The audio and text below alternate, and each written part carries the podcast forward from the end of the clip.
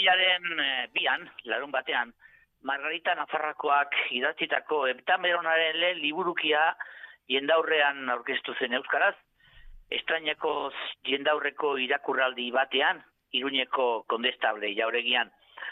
Literatur universalaren klasikoa den, Euskarara itzulitako eptameronaren lehenengo atalaren ipuinak eskuragarri daude doan, butegiren webgunean.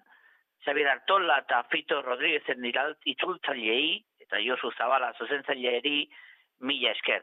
Besteak beste, itzultzaileak bertean egontien diakurle, baita Euskal Herri irrationetako reiez ilintxe eta laguna ere aurkezle lanetan beti bezain txukun. Eta, eta Josu Ganuza ere bai, gure lankide berria, hortxe aritu zen irakutzen bai.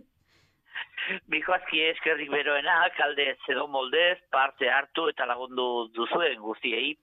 Eta nekez zaipatuko dituzke guztiak baten bat antzigabe, iruro gehi lagun inguru parte hartu bai genuen.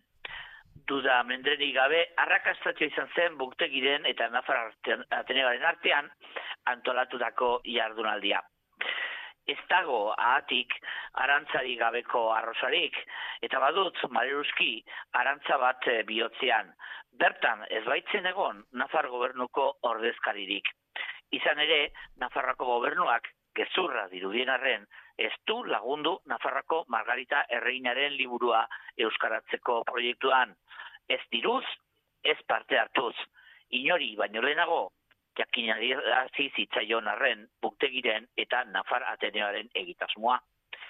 Bulego batetik bestera ibili da gure erregina eta erantzunik ez du oraindik jaso. Eta Meronaren beste liburukiak euskaratzere euskaratzeari ere ekintzaio. Eta eskerrak, urdugula crowdfunding baten bidez jasotako dirua, lau mila euro baino gehiago. Bioz bihotzez, mila, mila esker diru bilketan lagundu duzen guztiei ezin eskerrak eman berriz Nafar gobernuari, Nafarrako erregina, Margaritaren lehen liburokia euskaratzen espaitu lagundu, orain arte bederen. Bada, okerra zuzentzeko garaia.